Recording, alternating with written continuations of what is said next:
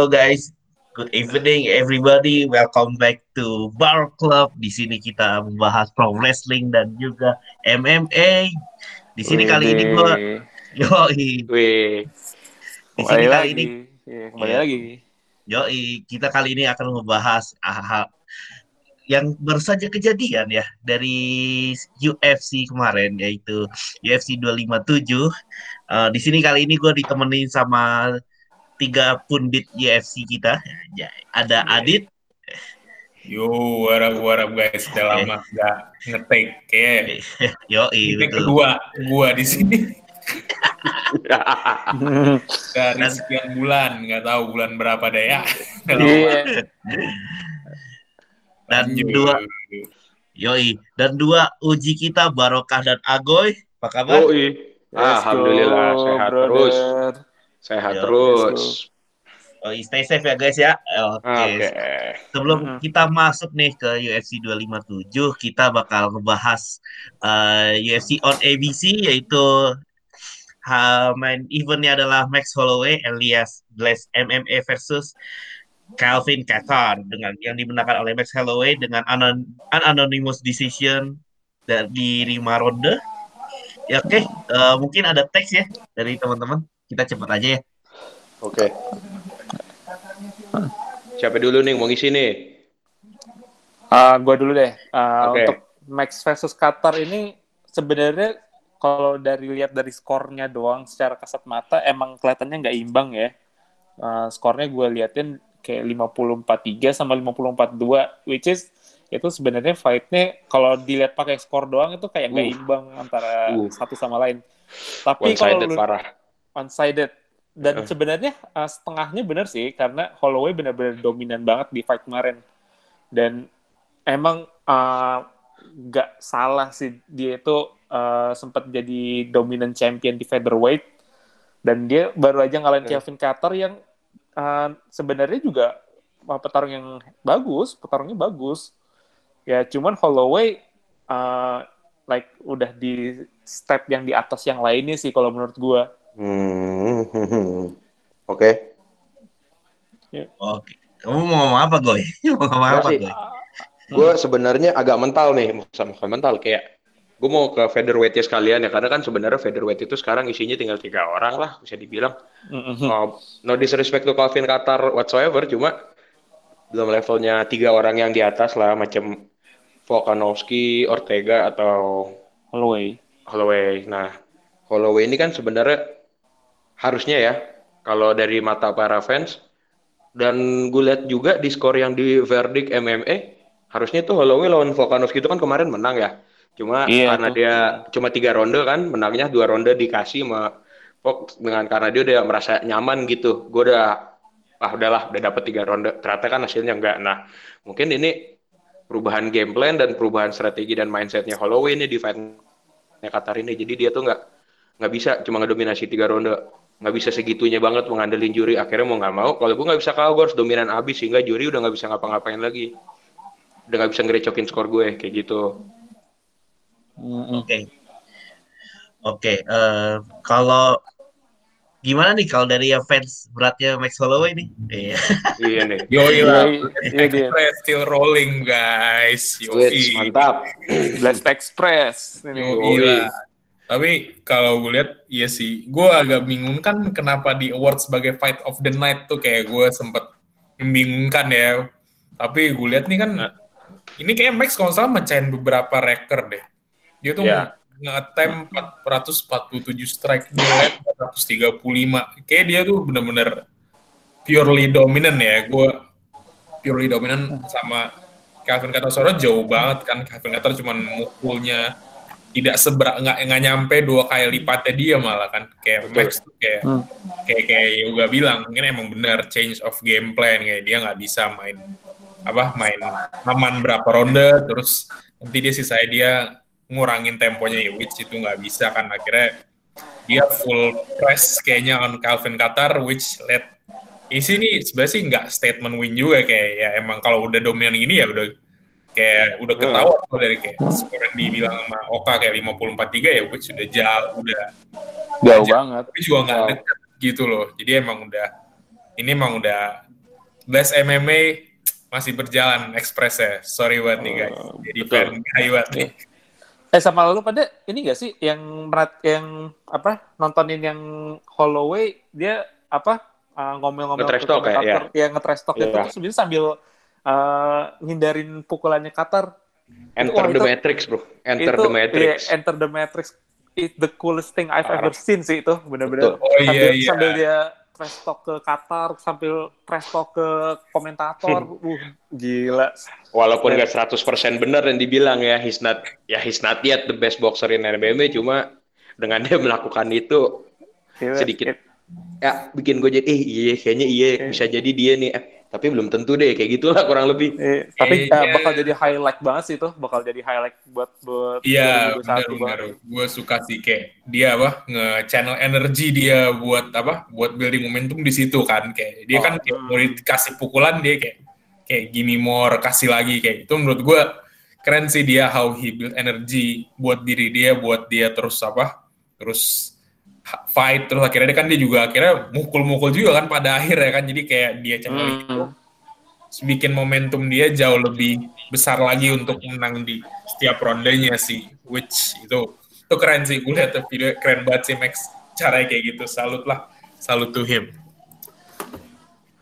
Oke. Tapi gini, tapi gini, Oke. sorry.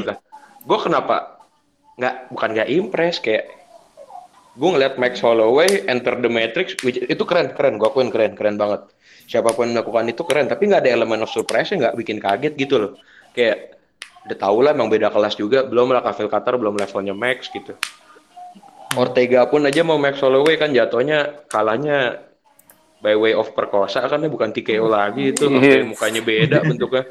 Di Volkanovski dia bisa pun juga- sebenarnya dibilang dia menang itu kalau misalkan gini ya gue loncat ke promotor lain.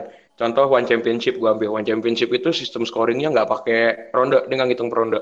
Dia ngitung total dari lima ronde yang dimainin atau tiga ronde dilihat secara yang paling tot dari total yang menang siapa. Itu kalau pakai sistem one championship itu menang jauh pak si Max. Karena memang sih adalah momentumnya Volkanovski juga pada saat itu.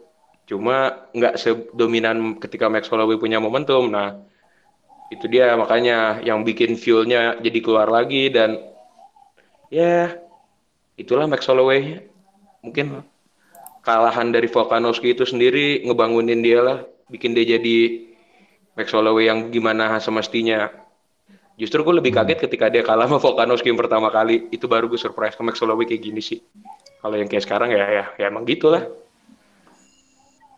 Um, mengagetkan to be honest, gue malah yang dia kalah sama Alexander Volkanovski itu dua kali dua kali berturut-turut itu juga menurut gue agak aneh sih karena eh menurut gue dia rajanya featherweight loh kalau menurut gue saat ini. ya Hmm. betul Kenapa? Tapi gue harus akuin di pertandingan yang pertama Max emang kalah. Max kalah kayak kehilangan eye of the tiger-nya lah. Kalau gue boleh ngutip perkataan dari teman kita lah, kayak gitu. Kalau Kayak lebih motivated kedua, aja ya. Kayak lebih lebih- motivated banget sih kalau ya lebih motivated. Cuma rada salah game plan aja kalau fight kedua. Hmm. Hmm. Salah bukan salah game plan sih, terlalu relax. Mungkin Max-nya merasa kayak udah menang. Ya apa sih? Ya udah akhirnya mau nggak mau dia harus berubah. Dan hasilnya dikembali lagi seperti Blaze Holloway yang kita kenal. Dan itu keren. Oke, eh, oke. eh, selanjutnya ini eh, UFC on ABC ini di Fight Island nggak sih sebenarnya? Betul, Island. iya, betul. Ah, eh, kebetulan juga eh, selama pandemi COVID-19 ini eh, UFC sih selalu mengadakan eh, eventnya di eh, di Fight Island karena untuk membatasi adanya eh, adanya eh, visa restriction ya dari masing-masing negara untuk Betul. berpergian. Jadi fokusnya ke satu tempat tersebut yaitu di Abu Dhabi. Ah, Ya, kebetulan nih. Nah, kebetulan nih eh, UFC 257 ini eh, untuk pertama kalinya sudah ada penonton ya di UFC 257, bener gak? Pertama kalinya itu di eventnya Holloway versus Qatar, tapi untuk pay per view emang paling pertama Iya. ada di 257 yang nanti Hmm. bakal kita bahas. Oke. Jadi eh, pelan-pelan udah mulai pulih ya mungkin ya di Abu Dhabi mungkin ya kalau udah ada penonton. Mungkin Oh, udah mulai ya. pelan-pelan, mungkin juga karena mereka udah pede karena beberapa bulan belakangan kan mereka juga sering ngadain event UFC juga dan uh, mereka kayak dianggap berhasil gitu dalam ngadain event segede UFC ini dengan mereka nerapin protokol kesehatan yang ketat terus habis itu ngasih fasilitas yang bagus dan uh, eventnya pun sukses-sukses kayak 251 hmm. yang pertama hmm. sukses terus yang Khabib lawan Geji sukses yang Khabib lawan Poirier juga di sana kan kemarin Khabib lawan Poirier belum dalam status Fight Island ya, masih dalam oh, belum, kayak ya? ya masih tahun 2019 tuh masih kayak arena biasa, masih kayak UFC. Oh iya deh. Paper eh, tapi biasa. Kan, eh di Abu Dhabi juga ya itu ya. Iya, Island juga kan. Uh, sedikit fun fact, Khabib itu tiga kali uh, pertandingan terakhir tuh selalu di Abu Dhabi. Mm -mm. Lawan Conor, ya, ya, lawan betul. Dustin, sama lawan Geji. Jadi oh, Conor tuh bukan di Vegas ya? Bukan, Abu Dhabi. Oh, Abu Dhabi. Gitu. Hmm. Oke. Nah, uh, nah ini selanjutnya gue juga pengen bahas nih ya mepet-mepet yang kejadian kemarin ini yaitu UFC 257. Oke, okay, uh, eh, pertandingan mau kita bahas gimana nih enaknya ya UFC 257? Kita langsung straight aja kali ya. Iya, okay, langsung boleh, straight ke straight aja event kan. aja. Main event aja dulu ya. Event lah bahasanya pasti nggak mungkin nggak main event. iya. Nggak mungkin nggak main event kalau kita nggak bahas ini. Nah, kita bahas night eventnya aja ya. Yo iya. Ya. Langsung lah main topiknya lima hari beruntun lah itu dari. kita kita nggak boleh sebelum masuk ke sana ya.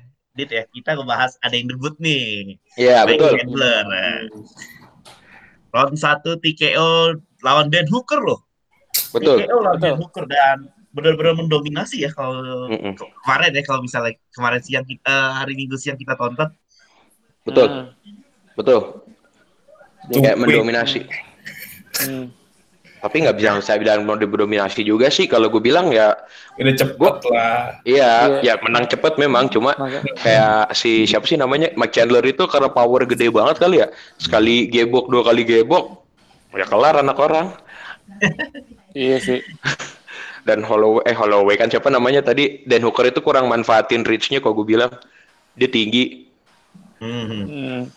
reach advantage itu jauh banget parah si Mike Chandler aja tingginya cuma sedadanya dan dia nggak bisa manfaatin itu sayang banget. Iya.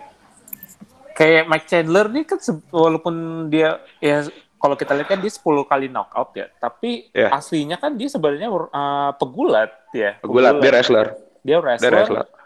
Tapi dia juga uh, belakangan ini juga uh, dalam tiga pertandingan terakhir dia selalu menang lewat KO atau TKO. Jadi mungkin emang uh, dia uh, termasuk yang bisa dibilang hampir kayak complete package kali ya. Dia bisa yeah. wrestling, dia bisa uh, punya power juga, dia juga uh, bisa dominan juga. Betul. Dan dia pernah mengkaukan orang yang hampir tidak pernah kau loh. Itu kan siapa namanya? Si Gondrong, bekas juara lightweight, Benson Henderson oh, di Bellator. Oh, iya, iya, iya. Ya. Mike Chandler pernah bikin dia kau. Hmm. Bendo. Nah, Oh, nih. Sekarang selanjutnya, uh, what's next for both of them nih? Uh, Mike Chandler gimana dan Hooker gimana? Menurut kalian gimana? Wah, kalau buat Dan Hooker agak sulit ya karena kan dia di top rank fighter juga peringkat 6 ya, dia yang paling bawah ya, di bawahnya masih di bawahnya Tony Ferguson kan. Sebelum yes. kalah dia peringkat 6 ya. Ya.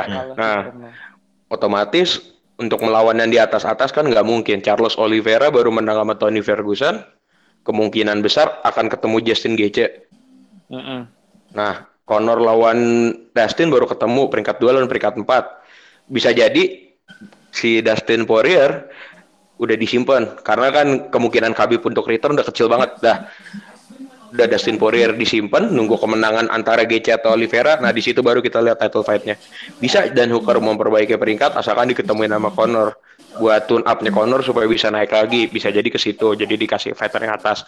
Atau untuk sementara jadi gatekeeper dulu jaga-jagain petarung yang ada di bawah itu. Hmm. Kalau buat Chandler, Chandler bisa tuh masuk ke yang tadi gue, ya? Ya, yeah. conversation untuk title fight, tapi gue rasa sih nggak adil karena kan Chandler, walaupun kita tahu dia nama besar di luar UFC, mantan juara Bellator lah, rekornya bagus, ya household name lah, cuma dia masih unranked di UFC.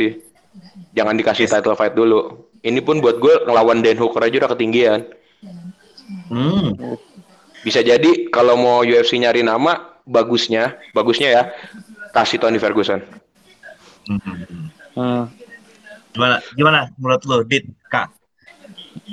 Untuk- sama Ago ini. Uh, untuk Dan Hooker sendiri sih uh, sedikit ada props juga karena dia mau Eh. ngambil fight lawan fighter yang nggak ada nggak ranking, yang unranked. Mm-mm. Karena itu resiko besar juga satu karena Michael Chandler juga di luar UFC udah terkenal dan juga petarung Hmm. elit lah kita bilangnya. Ya betul. Selain itu juga uh, Dan Hooker sendiri pun juga uh, peringkat 6 pun ga- gampang kegoyah karena satu dia kalau ke atas pun susah karena lawan uh, divisinya lightweight ini benar-benar stack banget, benar-benar rame dengan petarung-petarung elit. Betul. Jadi dan juga Michael Chandler ini juga ya uh, walaupun unranked tapi tetap aja lo harus ngelihatnya dia sebagai mantan juara dunia loh, sebagai Betul. mantan juara dunia Bellator. Jadi Dan mantan juara dunia UFC pun pernah di KO-in sama dia kan? ya dan mantan juara dunia yang di kelas ini, di kelas Hmm. lightweight ini Iya. terakhir kali dikalahin sama uh, Michael Chandler. Di welterweight. Hmm. Kalau lo Eh di welterweight ya, Kai? Iya, iya. eh, gue lupa deh di lightweight atau di welterweight. Tapi yang pasti terakhir kali uh, Ya, kalah Bendo. lo. Kalian Bendo, ya tuh. Hmm. Bukan Bendol ya, Bendo.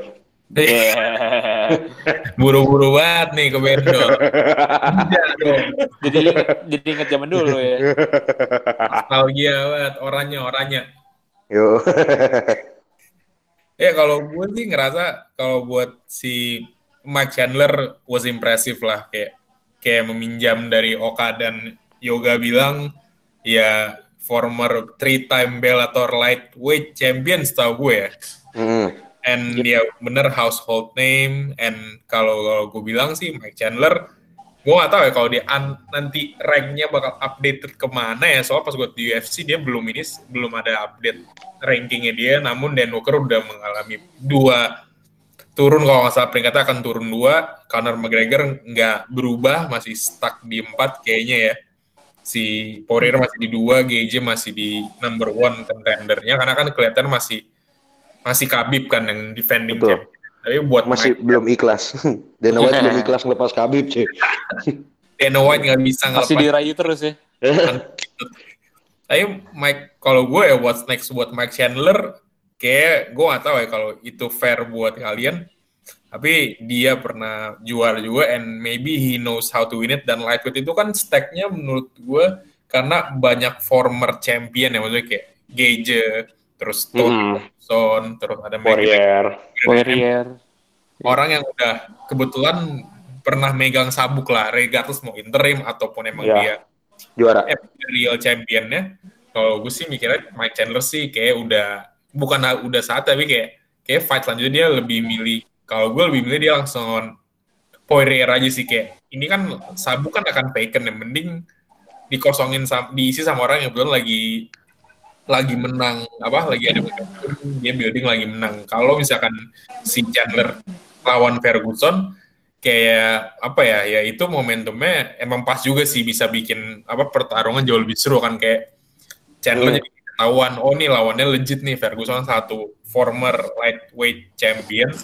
Tapi kalau udah diaduin untuk title fight sama Poirier juga menurut gue juga nggak salah kan. Lagi pula Ya, Ferguson sempet ngeisengin Poirier pas Poirier kayak ngerasa ya gue harus di crown. Karena gue udah juaranya. Karena dia Poirier bilang dia ngerasa cuman dia sama partner yang kebetulan lagi top top banget kan. Maksudnya top di lightweight. Nah Iya. Ferguson tuh kayak ngebales tweetnya si Poirier dia bilang kayak ya lo harus ketemu gue dulu gitu loh. Terus padahal gue mikir enggak ngapain ketemu lo kalau lo lagi sedang lagi building momentum dari back to back defeats kayak El Cucu itu terlalu mencari perhatian aja karena dia dapat fight yang dia butuhkan dari Khabib. Jadi Betul. dia colek-colek orang sana sini kayak nggak perlu sih. Ya. tapi kalau intinya buat Mike Chandler ya ya boleh lah langsung title fight lah ya. Tapi soalnya mau lawan siapa dia? Kalau McGregor McGregor lagi begini nggak tahu lah gak, ya. mau, gak mau Yes. juga McGregor sekarang udah mulai bisa milih lawan, Pak. Iya. Dia udah punya privilege buat milih lawan juga kan. Yes, Eh, betul. Hmm. Kalaupun paling menurut gue sih kayak kalau gue lihat sih dia udah cocok sih lawan Poirier kayak nggak nggak salah karena kan dia udah nggak salah juga dapet title fight karena debutnya impressive banget kayak round one dulu kawin orang kayak legit banget sih maksudnya mumpung top 5-nya lagi masih ada stack yang mending dia kejar kalau gue sih mending kejar duluan dia kan biar dia apa ngerasain konten duluan gitu jadi dia momentumnya Iya. nggak perlu banyak fight buat karena dia apa dia banyak fight buat naikin rankingnya kayak too much karena begitu umurnya 34 kan ya emang sih Hmm. kalau itu Iya. lanjut. lanjut lah kalau bisa mah lanjut udah gas Lanjut ya. Ya, dan masalah dia dan iya, Gak dan jauh beda sama Eddie momentum Alvarez ya pada saat itu ya. Iya. Yes. Eddie Alvarez kan gitu juga tuh. Karena household team dari luar, udah banyak juara di promotor lain, masuk UFC bentar doang tiba-tiba title shot lawan RDA gitu. Walaupun udah ada kalahnya juga di road to, tit- road to title-nya nggak mulus. Dia Iya. kalah sama ini kan, sama siapa sih Alvarez Dustin di satu Da- Dustin Poirier kan? Enggak, se- itu kan sebelum itu kan setelah yang dia Honor kalah setelah sama juara ya? Honor. masalah Oh iya. Satu Hmm. tujuh lap di satu tujuh delapan dia pernah kalah kalau nggak salah. Iya, pernah, pernah. 178. Di Pernah, pernah, pernah. Iya, iya. di match card-nya yang ada McGregor sama Poirier yang Poirier, pertama. iya. Iya. Nah, McGregor masih di featherweight kan itu. Kalah sama ini, Cowboy, Cowboy Cerrone. Oh, sama Donald Cerrone kalah betul. Debut Iya. udah itu doang kan. Sebelum akhirnya jadi juara, kalahnya itu doang. Iya. Itu doang sih itu. Ya itu sih keuntungan lo punya household name lah. iya pincer lah Pilih-pilih Iya. aja. iya kalau Dan Hooker gue nggak tahu ya karena dia di posisi yang udah soalnya dia kalah juga sama Poirier waktu itu ya pernah tanding sama Poirier terus Pernah. kalah Kalah. Ya. Kalah, iya. Ya, kayak Iya. sini apa posisi dia kayak kurang pas ya buat Iya, dikasih fight atau gimana menurut gue sih kayak kasih rehat aja ya nggak sih kayak betul. Iya, betul, betul, betul. Kalau enggak ya kasih McGregor buat tune up-nya Gregor. Cuma ah, tapi ya tapi itu kayak cuman fight buat konsep fight aja nggak sih kalau kayak McGregor Iya. lawan Hooker kayak cuman buat ngisi schedule UFC aja as a whole kan iya, iya cuma buat tune up-nya dia aja. Ah, Manasin ototnya McGregor lagi aja. ya Bagaimana dia lawan Cowboy Cerrone kemarin. sih ya tapi dia nggak ada lagi nggak going nowhere sih menurut gue ya karena divisinya juga lightweight cuman top 5 nya kan sementara ranking ranking yang lain lagi pada turun kan bertarung tarung Betul. Iya sih, iya sih. Iya. Nah, jadi emang Stepnya tuh di atas.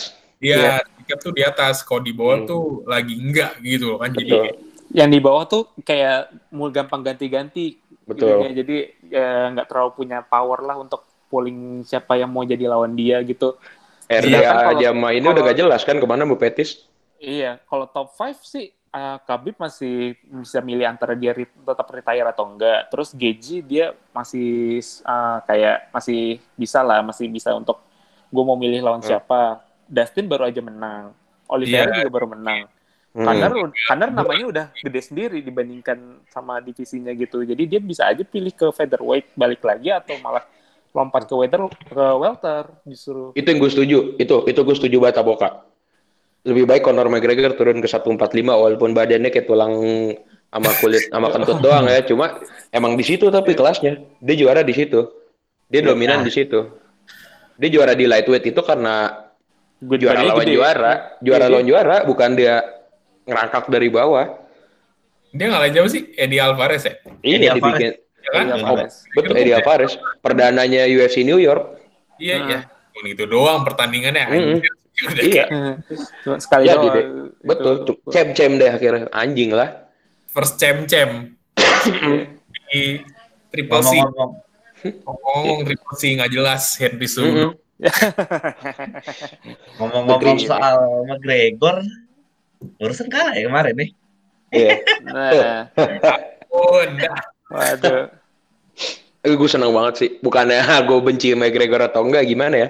Kalau sampai McGregor juga yang menang, dia bukan manusia apa berapa tahun itu inaktif? Setahun. Lawan Iya.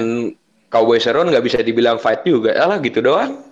Kelar. Iya. Iya, nabok shoulder habis itu kelar. Kelar. Cuman dapat punch sedikit. Mentalnya udah jatuh duluan mentalnya Cowboy. ya udahlah. Dan kelasnya antara Cowboy Cowboy yang 2020 sama Dustin 2021 tuh jauh banget. Jauh loh itu. banget bedanya. Jauh banget loh. Ya, Dustin Poirier itu belongs to lightweight ketika di featherweight makanya nggak terlalu bagus kan kalah sama Conor kalah sama Chen Sung Jung tapi sementara ketika dia naik lightweight karirnya bagus nah kebalikan sama Gregor Gregor nggak pernah kalah di featherweight pak Iya. Yes, betul. setahu gue dua kalah pertamanya yang sebelum masuk UFC bukan di lightweight semua itu ya, bukan di featherweight. Eh, yang ada Jodavi itu ya, yang ada Iya, Jodavi. yang dia kalah lawan Joe itu. Jodavi itu eh, hold on, wait, mana sih kok Joe Davi juga pernah di UFC kan? Jodavi kayaknya weight, well, di featherweight juga deh. Nggak Oh di featherweight ya? Ada kalahnya ya, ada yang di submit. Singkat gue sih nggak malah dia cuma kalah di lightweight sama eh, welter loh Nate Diaz udah Welter. jelas lah. Iya. Itu Seingat baru best boxer iya. in UFC. Iya.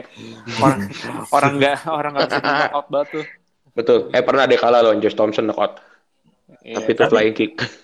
Tapi kita kalau ngeliat eh, pertandingan yang kemarin ya, McGregor lawan Poirier, eh saya Poirier ini eh, round pertama kalah loh. Kita di grup chat ya, grup chat aja Iya. udah sampai dihitungin kan. Kalau ronde Iya. pertama itu yang menang McGregor sebetulnya. Hmm, betul. Tapi what happened di ronde kedua, cuy? Nggak tuh ngebaca sih kok gue bilang mah ronde pertama. Cuma pengen Iya. ngeliat gaya. uh-uh. out-nya. Gregor ini mau ngapain di fight ini? Kayak dia mau fight beneran dia mau ngambil apa yang harusnya jadi milik dia si title itu atau dia cuma mau tune up buat dia mega fight di boxing lawan Pacquiao. Ternyata terbukti kan dia cuma Iya. mau tune up doang. Karena pakai stance boxing di MMA ngeberatin tumpuan lo di kaki depan.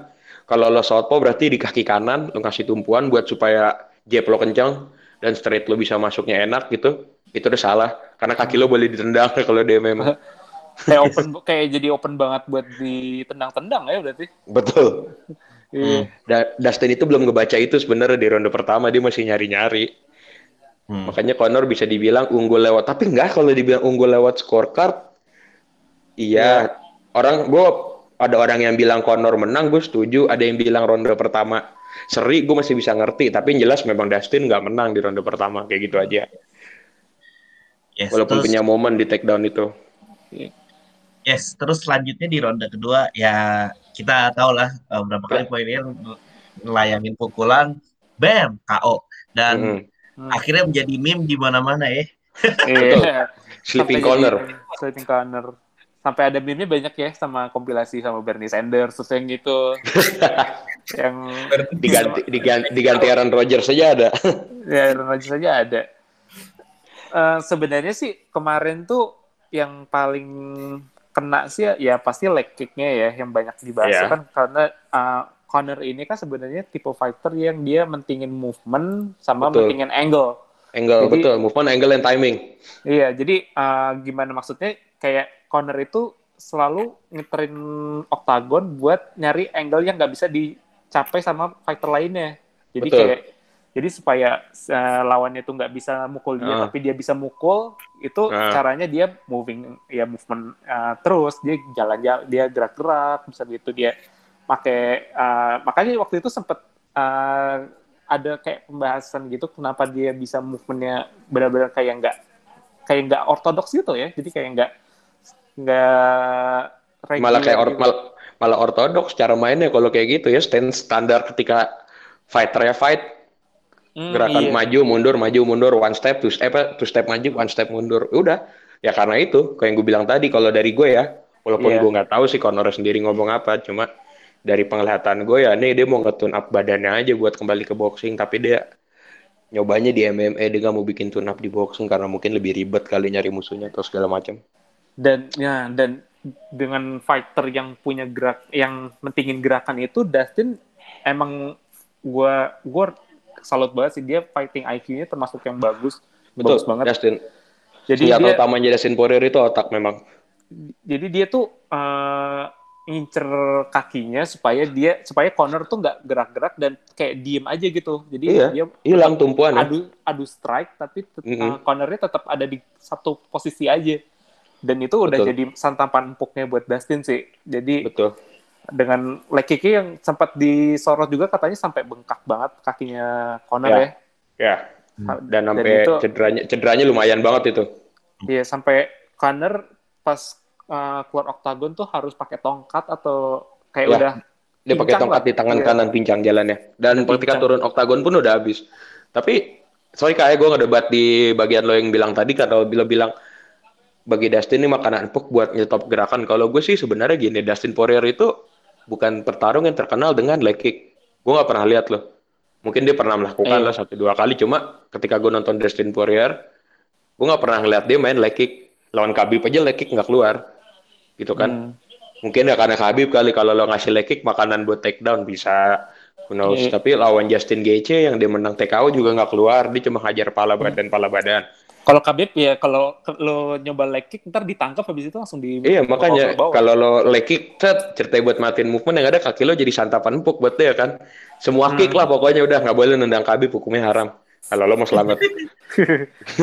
Kalau si Dustin ini kemarin lawan McGregor kok gue bilang ada pengecualian ya karena tadi main stance boxing kaki kanan dikakuin gitu kan dijadiin tumpuan ngakar gitu di octagon eh di matras di bawah udah pakpuk pakpukin aja. Nanti juga goyang sendiri. Sorry ya bukannya gue bilang tendangannya jelek cuma untuk form seorang yang main leg kick kurang bagus aja dibandingin yang lain-lain kayak leg kicknya Shogun Rua lebih bagus atau leg kicknya siapa lagi yang jago main leg kick gitu ya bukan Dan Henderson ya pasti. Anderson Silva pun lebih bagus. Terus gitulah pokoknya leg kicknya itu bukan level yang seperti itu. Mhm. atau leg kicknya John Jones gitu enggak. Cuma karena dia ada kesempatan dia dipakai sama dia mungkin kalau Conor mainnya lebih fluid lebih banyak main movement bisa jadi tuh leg kicknya nggak keluar karena dia harus ngimbangin movementnya juga secara lo nggak gebuk kaki orang yang gerak kan susah pak Hmm. Betul, kayak gitu Dit, gimana Dit? Lu diem aja malah matiin mic lu. Ya, gantian, giliran, nggak boleh. Oh iya iya. Oh, iya. Eh tapi kalau motong ada debat-debat kamu, rating Dit gimana sih lo ah?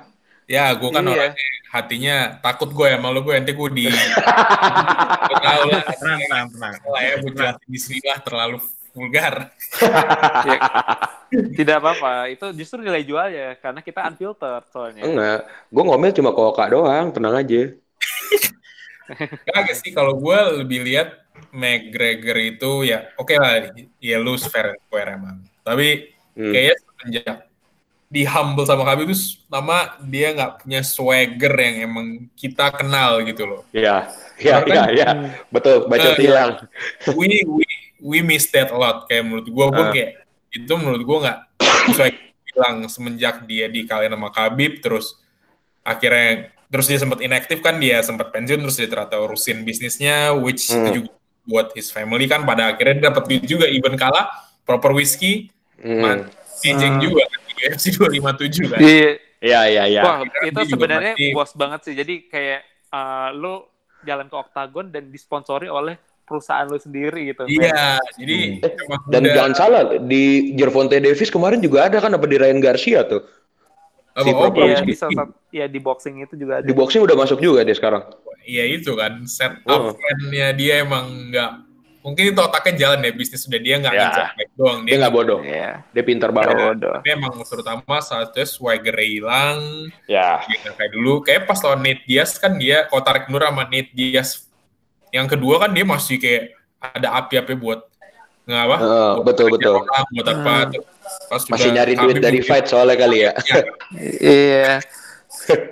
fire tuh tampar. hilang jadi dia Hmm. juga apa nggak seperti kayak dulu dan inaktif juga kan dia lumayan hampir setahun lebih nggak fight kan Hmm. which mungkin mengganggu maintain kondisinya mungkin bisa juga Ya. kan dia katanya ganti tim ya kecuali coach Kaepernick emang ya notabene Ya. kan emang coachnya dia kan tapi mungkin itu juga pengaruh jadi apa Hmm. dia nggak bisa seperti yang kita harapin malah kan orang expected Hmm. McGregor itu kan di bukan underdog malah favorit dong Bukan. iya gitu karena Iya. udah kepegang pertandingan pertama menang lagi kan. Ah, Iya. pasti expected kita semua sih mikirnya dia dia dia menang regardless mau dia menang submission dia menang Oh. KO decision McGregor was expected to win Iya, betul. unfortunately Poirier nggak ada apa lebih kayak Oka- kayak si Yoga bilang dia menurut gue udah udah lebih poised lebih tenang which dia Hmm. ngincer game plan yang leg kicks itu yang apa Ah. yang kayak 18 kali kan dia ngincer leg mulu kan Iya, betul. Iya betul betul. Dan itu mengganggu si siapa? Mengganggu ritmenya Conor kan. Soalnya pas awalnya kan Conor kan masih bergerak lah ya di ronde satu gitu loh. Betul. Dia, Movementnya masih ada lah. eh, pas di pas di take down pun dia masih ngasih shoulder attack kan. Pas di dia ngasih shoulder kan berapa kali Hmm. ke Poirier kayak itu shoulder hit yang bagus ya menurut gue kayak gila ini kenanya di situ lagi di kepala kan terus pas di pala. Nah, iya kan pas di kepala itu poin lagi kan poin big banget buat dia. An- ternyata ronde 2 legnya udah mengganggu and then ya Poirier langsung strike without any meaning. Kayak langsung udah gue lihat momentum ada shifting gue dia langsung ambil kan. Itu game plan dia gue akuin bagus sih dan dia tenang di situ loh. Kayak dia kalian dihajar kan di ronde pertama dia malah tetap stick to the game plan kayak dia ngincer kaki kan dia tahu lawan fighter emang hoki bergerak kan pas udah Hmm. limit movementnya ya udah dia habis di situ udah McGregor which gue sih kaget. Dia KO karena dia kan setelah gue kalah submission kan submission Ya. dia kali- berapa kali kalah. Dia kan emang kalah submission dan this is the first TKO and his career gitu in UFC kayak oh gila di TKO loh McGregor di KO tuh kayak mungkin jadinya bisa sama kayak si Silva pas di KO sama Whiteman Sama ya Whiteman ya. Oh, Setback banget itu parah. itu parah kan menurut gue kayak Parah mundurnya ngaco banget jadinya. Iya, dan ini kan jadi bikin pertanyaan kayak McGregor where to go next gitu loh. Kayak kita kan jadi bingung kan dia mau ngapain, Ya. apa yang selanjutnya dia harus lakuin, apakah turun weight itu sebuah keputusan yang tepat? We're not so sure ya, regardless dia target featherweight. Satu petarung featherweight yang udah ngalahin Aldo, tapi kayaknya untuk turun ke weight agak Max susah. pun udah dikalahin ya sama dia kan ya. Iya, Soalnya- Max pernah dikalahin sama Connor. Iya. Nah iya, kalau ketemu Max tuh mungkin lebih menarik sih, tapi dengan Max yang sekarang ya, bukan Max yang dulu. Yes. lebih jauh lebih menarik lagi kalau if dia mau balik ke kelas featherweight ya dia kan ketemunya Hmm. Ortega sama paling Holloway lah yang kurang lebih lah. Eh, ya Connor Atau ya it's an bisa lawan Jung lah. Ya, Iya.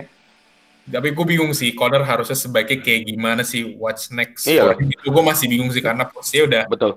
nggak enak kayak apa dia harus fight lagi atau enggak kayak mungkin teman-teman ngasih opini mengenai which Connor should go after this loss gitu loh.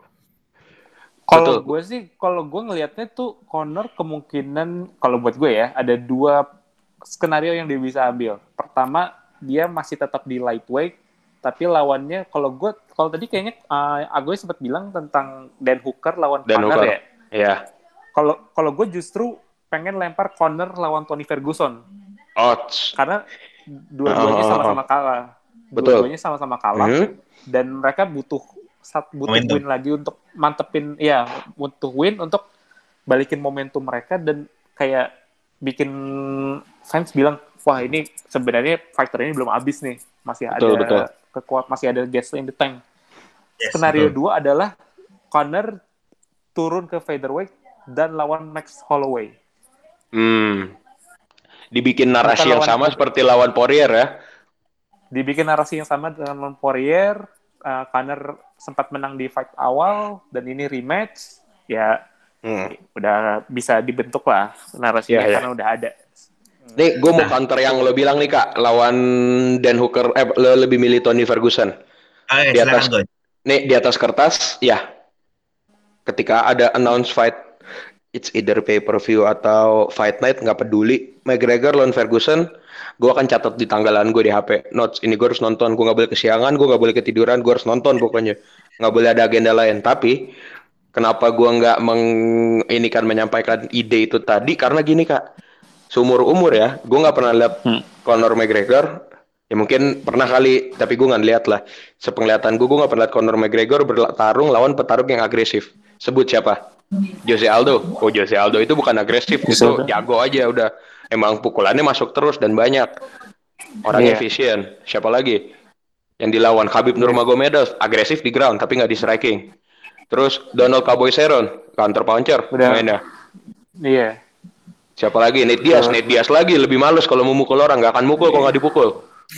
Medias, medias, medias justru Dia akan dipukul Terima- kalau nggak terima berdarah, sih. Dia berdarah Betul. baru dipukul. Dia berdarah baru mau ngelawan orang.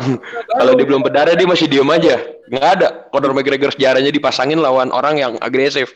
Makanya gue rada nggak berharap dengan skenario itu gitu. Kalau turun featherweight ya gue setuju langsung hasil Max Holloway narasinya bagus. Tapi dari tadi kita nggak ada ngebahas McGregor untuk naik lagi ke welter ya kayaknya. Hmm, Ah, Gimana ya? Itu siapa isi? Kayaknya bagus-bagus. 50-50 sih. Kayak kalau kalau menurut gue kalau welterweight mungkin ada ada sedikit kemungkinan kalau kalau masuk ke Hmm. welter dia mungkin bisa pilih lawan Kobe Hmm. atau siapa lagi ya kalau welter- Udah pasti Nate atau Diaz kalau welter. Ned Diaz lah itu. Jorge. Hor- Jorge Diaz. Masvidal belum. Nah, balik lagi. Mas- Jorge Masvidal pertarung agresif, Kobe Covington juga. Gue nggak yakin Dana White akan berani ngasih poster boynya buat lawan orang kayak gitu. Bisa jadi Iya. fighting time McGregor makin nurun. Paling Yap. benar lawan Nate Diaz. Kan belum kelar, masih satu-satu. Dan kekal. Iya. menurut perlu nggak sih? Soalnya Coach Kevin kan gue baca tadi kayak Coach Kevin pengennya si McGregor itu the triloginya sama si Hah? Poirier, dia pengennya title fight. Nah, menurut kalian tuh gimana? Itu coach yang ngomongnya not on behalf Ya. McGregor berharap Ya. Menurut Ya, kalian Nggak pantas. Bagi gue nggak pantas. Nggak. Sorry. Oke, boleh satu-satu. Boleh guys, silahkan lempar opini opininya. Buat gue nggak pantas. Sorry banget. Sorry ya. Bukannya Oke. baik lagi. Gue nggak disrespect Conor McGregor. Belum ada orang habis kalah dapet title fight. nah itu dia. Kecuali di boxing tahun 90-an mungkin iya Mike Tyson kalah besoknya title fight bisa. Karena Iya. box- boxing atur sendiri. MMA enggak, karena masih per promotor yang megang kan bukan promotor mewakili satu orang, tapi mewakili seluruhnya sampai sabuk-sabuk ya. Nggak bisa kayak gitu. Kalau sampai kejadian, udah gila berarti. Iya. Tapi Dan White gila. Favoritisme. Favoritisme. Heeh, sih- udah kelihatan. tapi cuy, gue sebagai main Hmm. host nih pengen Hmm. ngomong. Kita belum bahas skenario keempat cuy. Apaan? betul. Apa tuh? Lawan Jack Paul. Ah, tai lah. tai lah. Eh, tapi ngomong-ngomong Jack Paul, gue Si punya bocah. teori sendiri. Gue rasa emang Gila, nih bocah dapat fight berikutnya yang lawannya bisa ngejual, dia akan jadi full time boxer nih feeling gue. Karena sebenarnya ya, walaupun orangnya anjing dan kelakuannya nggak jelas, gue harus ngakuin Jack Paul itu punya Nah, iya. ada potongan boxer dalam diri dia tuh ada. Gue harus ngakuin ada dibandingin Logan Paul, ya, apalagi waktu lawan KSI dua kali tuh jelek banget fightnya. Tapi kalau Jack Paul enggak pak, Jack Paul tuh mainnya rapi, gue harus ngakuin. Buat hitungan seorang Iya. youtuber ya, itu rapi. Hmm. No wonder dia 2-0. Bisa jadi loh. Dua- Itu walaupun jalannya mungkin jelek ya dengan celebrity fight celebrity fight, tapi bisa jadi dia akan terus di boxing dan dia who knows, who knows. Gue gak akan bilang pasti dia akan jadi juara nggak juga coba. Jika dia serius, latihannya benar dan mendedikasikan hidupnya untuk boxing, dia punya Yes. jalan ke situ ada chance, ya. jadi juara, chance-nya ada. Mungkin mungkin Dan udah, udah punya nama lagi ya? Ah, Punya betul. nama lagi. Betul. Oke. Betul banget. Si Jack Mungkin apa apa dit apa dit apa dit. Ayo, Dit. Gue nggak bisa sih men-take gue. Anjing dia langsung pengen bayar. Gue bayar lu deh sepuluh ribu gitu kan ke siapa? Owner McGregor. Iya, kan. bayar lu Itu lucu banget sih, bener. Tapi sebagai ini gue mikir kalau gue so called youtubers yang tiba-tiba mau jadi tukang pukul Hmm. si KSI and Logan Paul gitu kan muncullah muncullah Jack muncullah Ade KSI juga terus lawan lah Nate Robinson juga ikut ikutan kayak dulu it's the Chaos banget sih itu.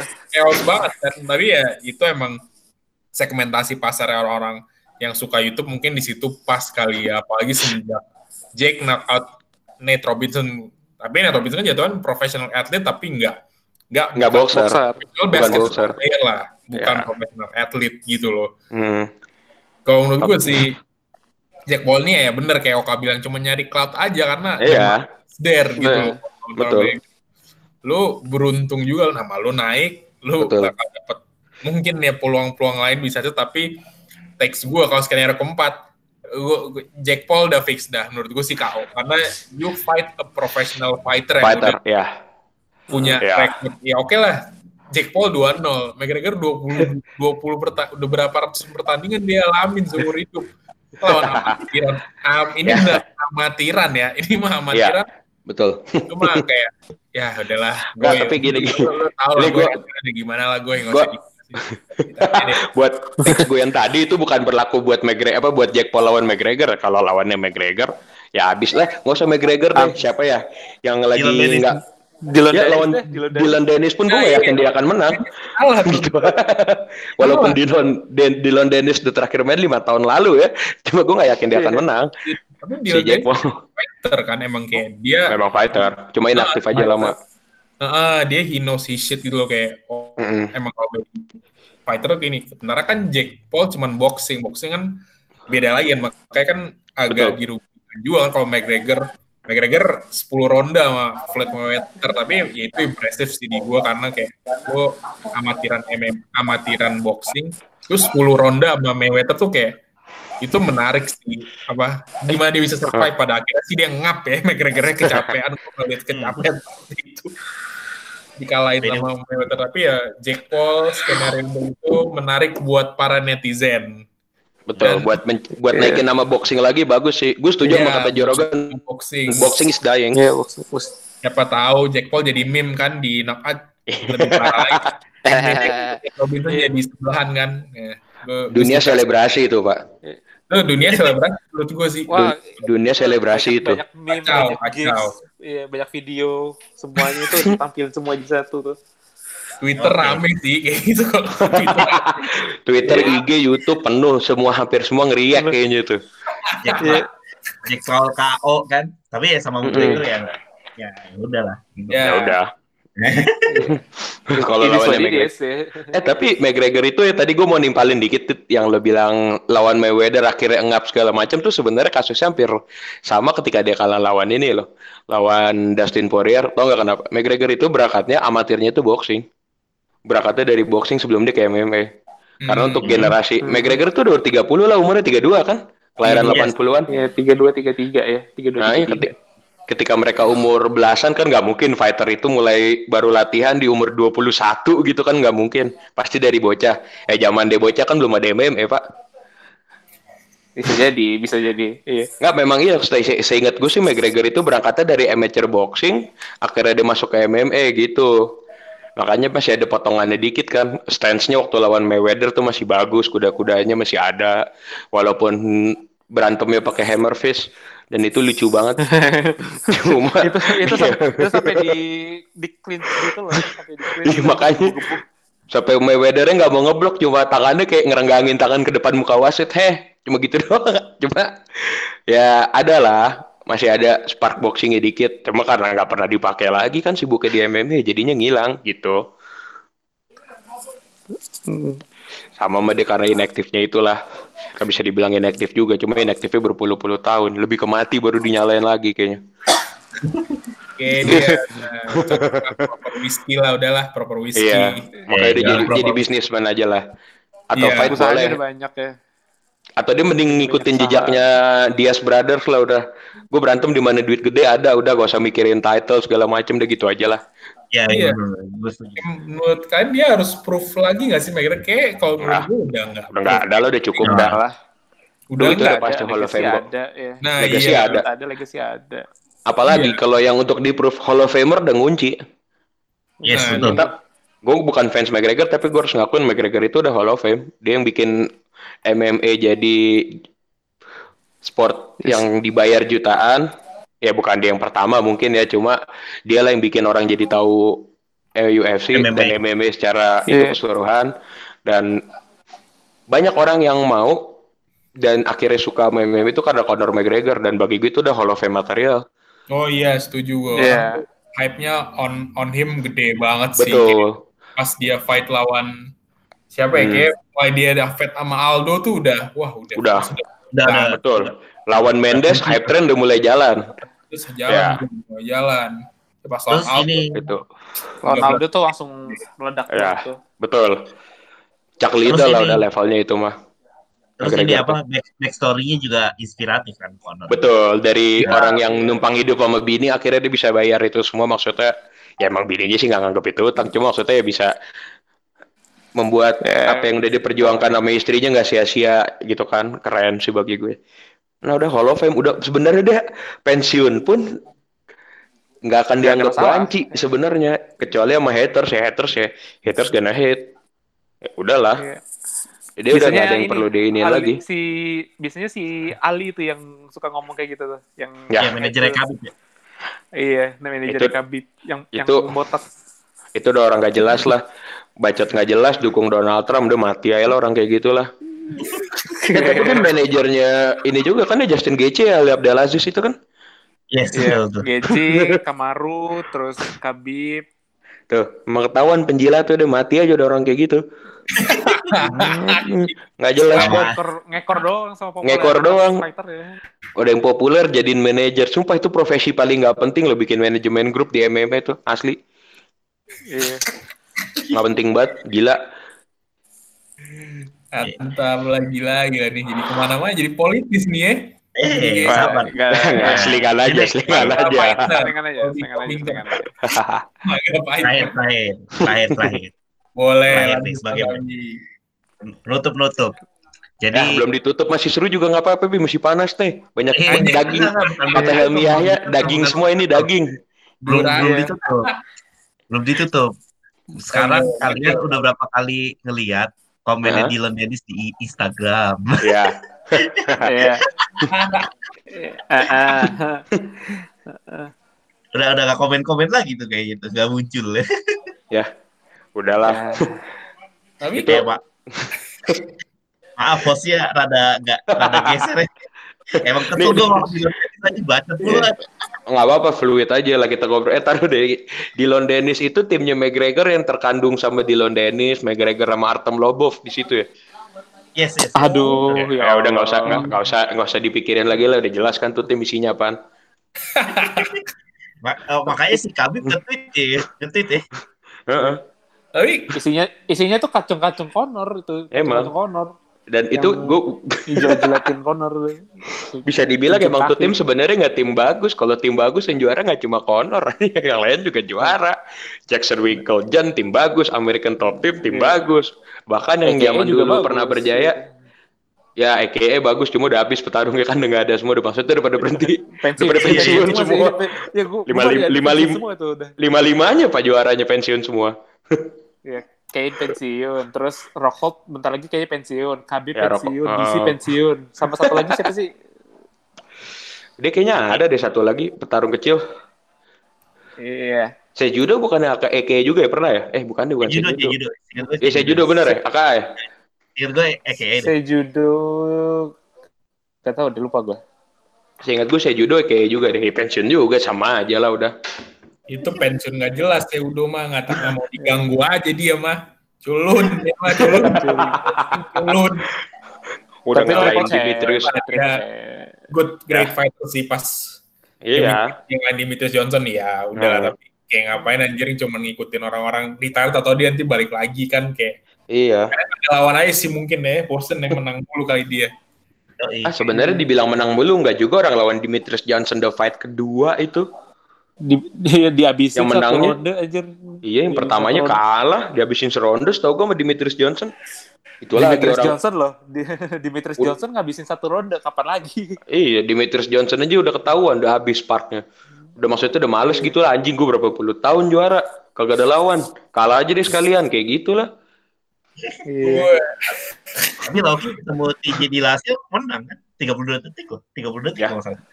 Ya. Itu gimana juga ya? orang aneh anjir itu. Mau nyelamatin divisi kan? Si Nggak, ular, tapi si tapi ular. si Dillashaw tuh orang aneh tuh. Eh gak sih sebenarnya bantamweight itu pada saat zaman tiga kepala Dillashaw, Cruz sama Oh, di- Garbrandt ya kan.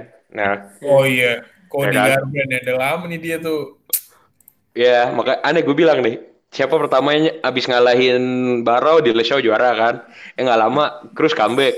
Dillashaw kalah sama Cruz. Cruz kalah sama Garbrandt. Eh Garbrandt kalah sama Dillashaw. Pusing pak ngeliatnya deh pak.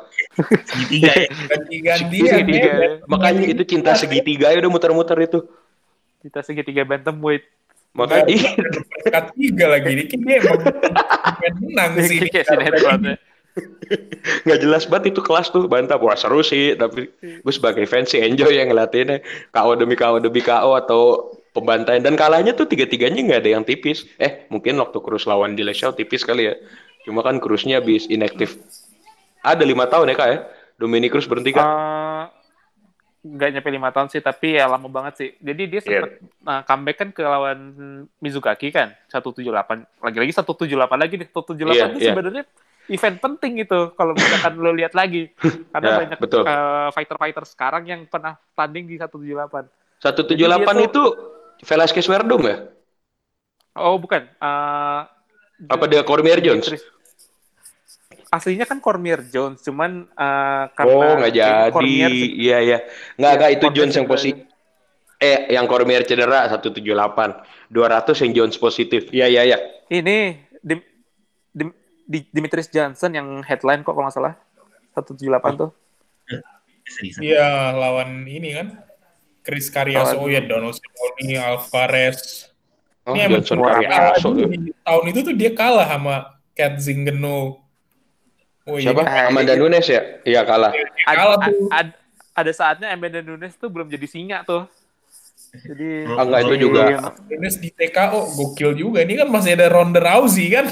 Itu juaranya masih Ronda Rousey. Juaranya masih Ronda Rousey itu. Ya Kat Oh, iya. Zingano juga bagus sebenarnya, cuma karena kalah sama Rousey jadi hilang udah mentalnya hilang, kalah cepet banget. Iya. Langsung dapat malu itu. Mm-mm. WWE. WWE. Iya. Weh. Balik lagi WWE, WWE. Eh udah dong, kalau WWE gue nggak ngomong lagi ntar. Iya. Iya. Sampai sana. Ada-. Ada saatnya, ada saatnya. Ada saatnya nanti semuanya full tim gue, semuanya Iya. ngomongin. Iya, sekarang kita ngomong yang beneran aja dulu nih, Iya, aja. Yang beneran. yang beneran.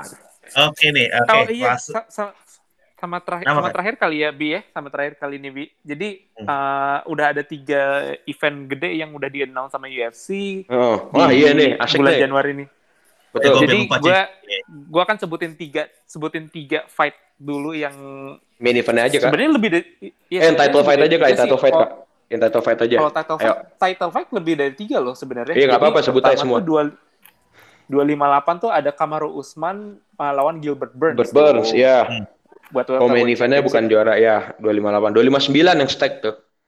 259 ini nggak cuma satu tapi tiga loh, Tiga, tiga betul. title fight. Jadi ada Jan Blachowicz juara light heavyweight Ah, lawan fight tai ini gue tahu. Lawan adesanya, iya. Lawan poster boy baru, poster boy baru. Iya, kemungkinan poster boy baru. Iya. Israel Adesanya. Terus habis itu ada Amanda Nunes yang kayaknya bakal gue gue gue agak gimana nih lawannya Megan Anderson yang oke dia fighter fighter bagus.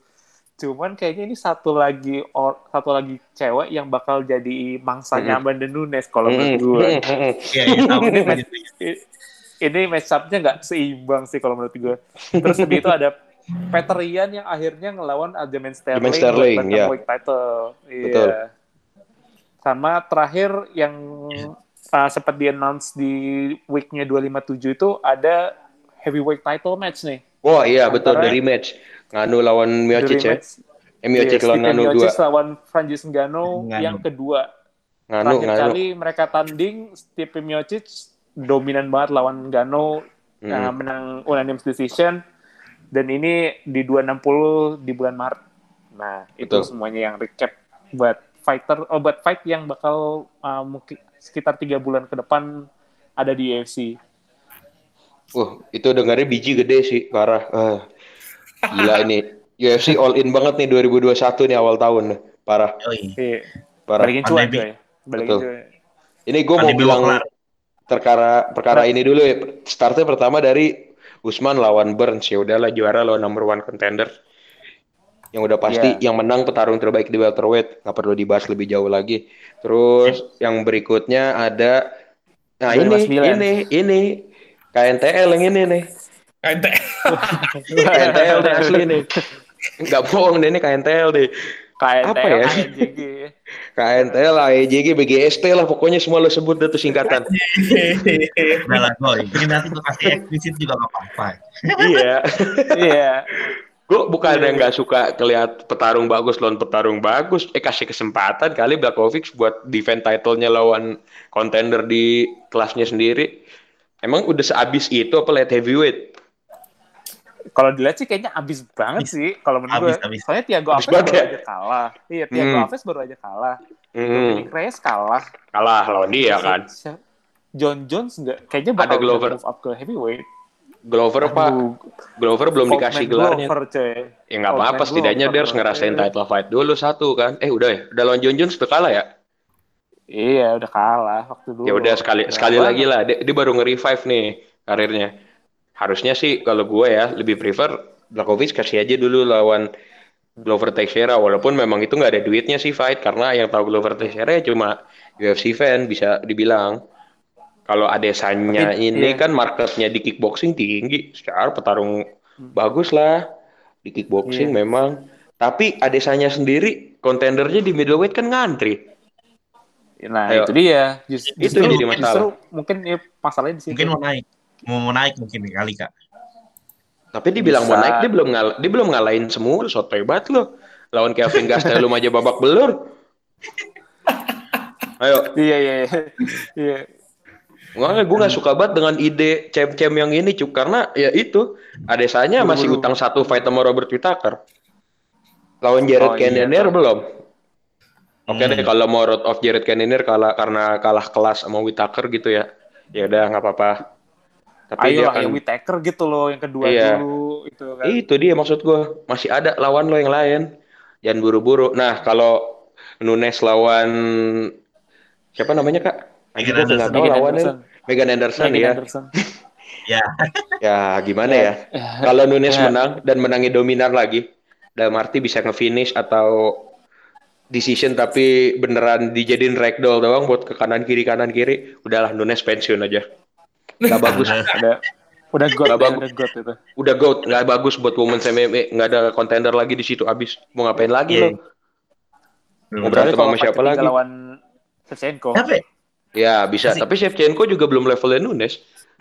Masih muda Ya, sih, tapi Shevchenko ya. masih bisa jadi apa aja sih, masih muda juga. Ya, atau siapa bisa- lagi? Makanya siapa lagi lawannya coba? Udah pensiun aja cukup udah. Dia udah membuktikan semua, nggak ada lagi. Dia nothing to prove, dia udah Hall of Fame. Dia udah levelnya jauh di atas Ronda Rousey. Nggak ada lagi udah. Lo udah, bukan the sky is the limit lagi ya. Eh, siapa tadi? Nah, Amanda Nunes itu udah jadi langit sekarang. Udahlah, Iya. mau ngapain lagi lo? Udah ngeliatin fighter di bawah-bawahnya gitu kayak oh, Betul. epic gitu loh. Harusnya ya. Turun flyweight. I know that. Turun flyweight biar biar seru. Ah, Iya, sama gimana apalagi turun flyweight lebih serem deh ntar jadinya. Gila, seorang Chris Cyborg dijadiin begitu ya, doang. salah. Udah lah, udah, udah kelar Amanda Nunes. Maksudnya bukan kelar karirnya habis, udah, udahlah. Lo udah terlalu OP di dunia ini nggak ada lawan. Mungkin lawan lo ada di akhirat nanti. Tahu lah. Jago banget, ngaku gue. Udah nggak ada lawan. Stack banget sih emang si cardnya. Tapi gue semoga itu sesuai harapan orang yang kadang biasanya udah stack cardnya ternyata fightnya disappointed. UFC 200 ya Ah, contoh ya, UFC 200. 200. Yes, 200. Dan itu loh epic lagi.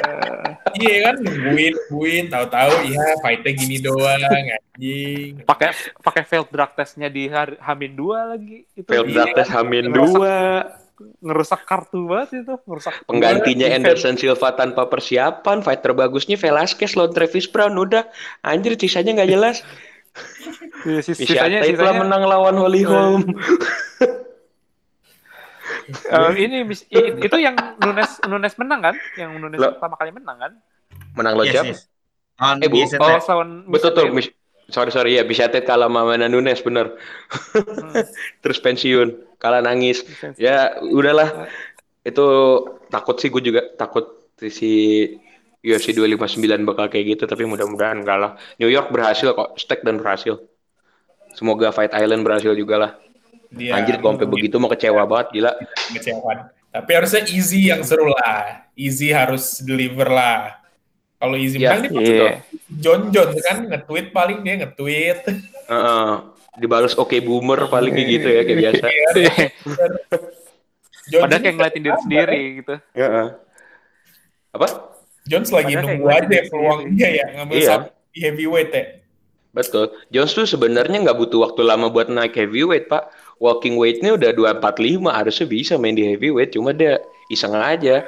Gue pengen tahu. Ya, Jones tuh sebenarnya kasusnya mirip-mirip sama Amanda Nunes. Cuma Jones belum naik aja. Kalau Jones sudah naik di heavyweight dan hasilnya sama, saran gue Ya. sama lah buat John Jones. Sudah lo cabut dah lo jadi apaan kek. Jadi ambasador kek, jadi model Nike lah, terserah lah udah.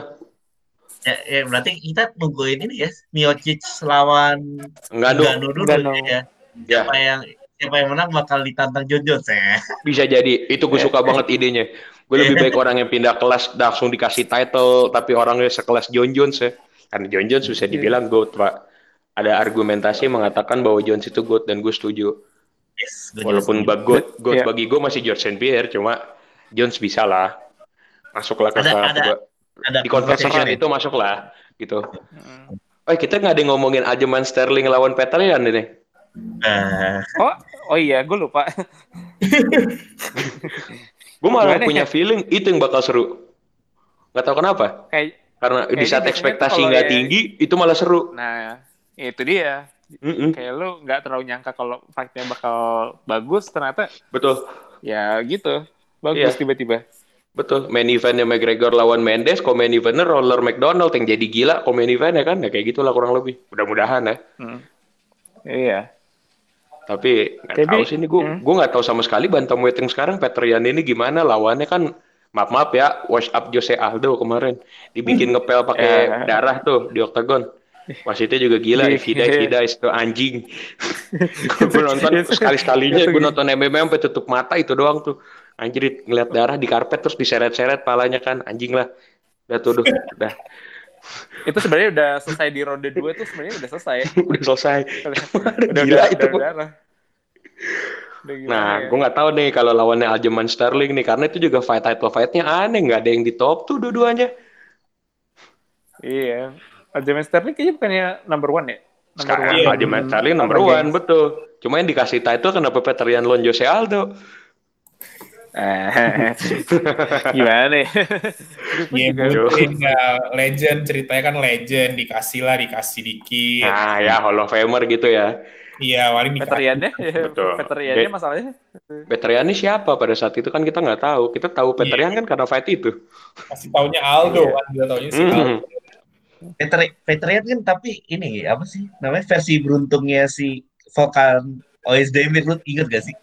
Oh, Volkan Ozdemir, ya ya ya. Iya, ya. versi beruntungnya Ah, karena iya. dia menang title. Kalau Volkan mah kagak kan, dibantai sama DC kan.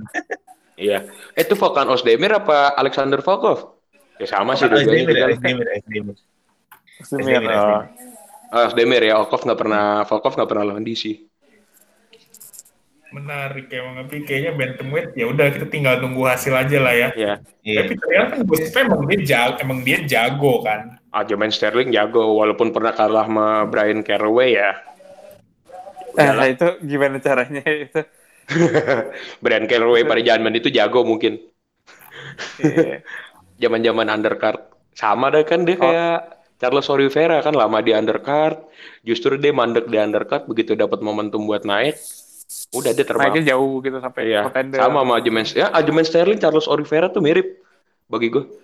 Sama Tony Ferguson pun Udah juga loh. Tony Ferguson itu di undercard lama. Cuma tuh karena UFC-nya aja sih nggak bisa ngelihat potensi dia pada saat itu.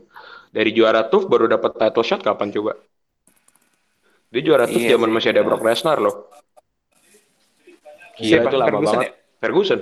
Kan pelatihnya Brock Ferguson Lesnar. kan iya pelatihnya Lesnar kan yang sama JDS. Betul lawan JDS. JDS aja udah ke mana tahu. Jadi jagain papan tengahnya heavyweight aja udah sekarang. Iya. Jadi samsak. Ya gitu. Sama lah nasibnya tuh bertiga. Kasihan kelamaan di undercard. Sulit. Tuh ya, Aljamain Sterling. Terus peringkat duanya siapa kak? Angkat Kalau duanya. yang baru dikalahin kan? Sanhagen. Sanhagen deh? Oh, iya, Sanhagen. Iya, baru dikalahin sama si Sterling kan. Oh, oke, Sanhagen.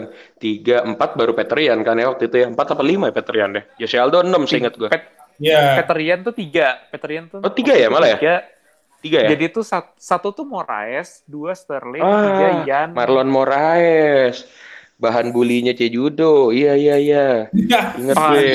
Iya, baru ingat Bahan gue. Marlon. Iya, iya. Bahan bully Pak itu mah Iya, bukan fight anjir. Beneran digebukin doang, diguling-guling digebukin. Gue aja nyesel nonton ah anjrit, bangun pagi buat ngeliat ginian doang. Karena jam Sulit 12 bagi ya. gue kan pagi. Eh, Sedap lah. Mantap, mantap lah. Semoga eventnya sesuai lah ya. Yoi. Semoga sesuai. Semoga gak Amin, amin, mengecewakan amin. lah. Biji gue udah Ya. gede nih dengerin fight card itu tuh pada anjrit. Ini seru banget harusnya. Semoga gak Harusnya. mengecewakan. Harusnya. Harusnya. Semoga Per satu deh, satu lah ya, Oh. satu lah. Nggak usah banyak banget. Satu aja ya. Title fight Iya. setidaknya ada yang seru. Jangan caur. Doa gue cuma semoga jangan sampai UFC 200 yang berikutnya lah. Jangan udah. aduh. Ya, amin, amin, amin. Amin. Amin, sedihnya amin. sedihnya Amin. sampai sekarang masih nempel itu. Udah 60 UFC yang lalu loh gue. Wah, parah. Iya, Masih iya, masih ngebekas, Pak. Bekasnya nggak lima hilang. tahun yang lalu iya, lima tahun yang lalu bikin depresi itu Iya, oktagon udah dibikin emas-emas. Keren lah bentuknya. Ya eventnya Veltra Nunes sama Pes. VSTT. Iya, yang paling seru. Iya, yang seru malah Mishatet lawan Amanda Nunes sama Velasquez Brown itu juga one sided anjrit. Brock Oke. Lesnar lawan Mark Hunt gitu. Ya udah lah, udah jangan dibahas deh, ntar kita marah-marah. Oke, makanya mau mau tutup gue. Iya, tutup aja, tutup, tutup aja deh. Eh, eh, yoi. Thank you so much uh, for listening to us. Ya, tunggu aja kita habis ini uh, bakal rekaman lagi. Kali ini temanya Royal Rumble di WWE kali ini. Terus selanjutnya juga uh, gimana? Uh, Goy? Kalau mau kirim, kalau kalian ada yang mau collab atau ngasih masukan dan sebagainya macamnya, mau jadi guest star di sini boleh banget. Caranya gampang, tinggal DM aja ke Instagram @barok.club.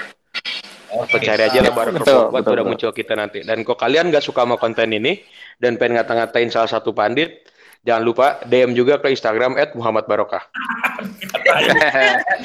Yoi, thank you so much guys. Yoi. Good to have you guys. Thank you.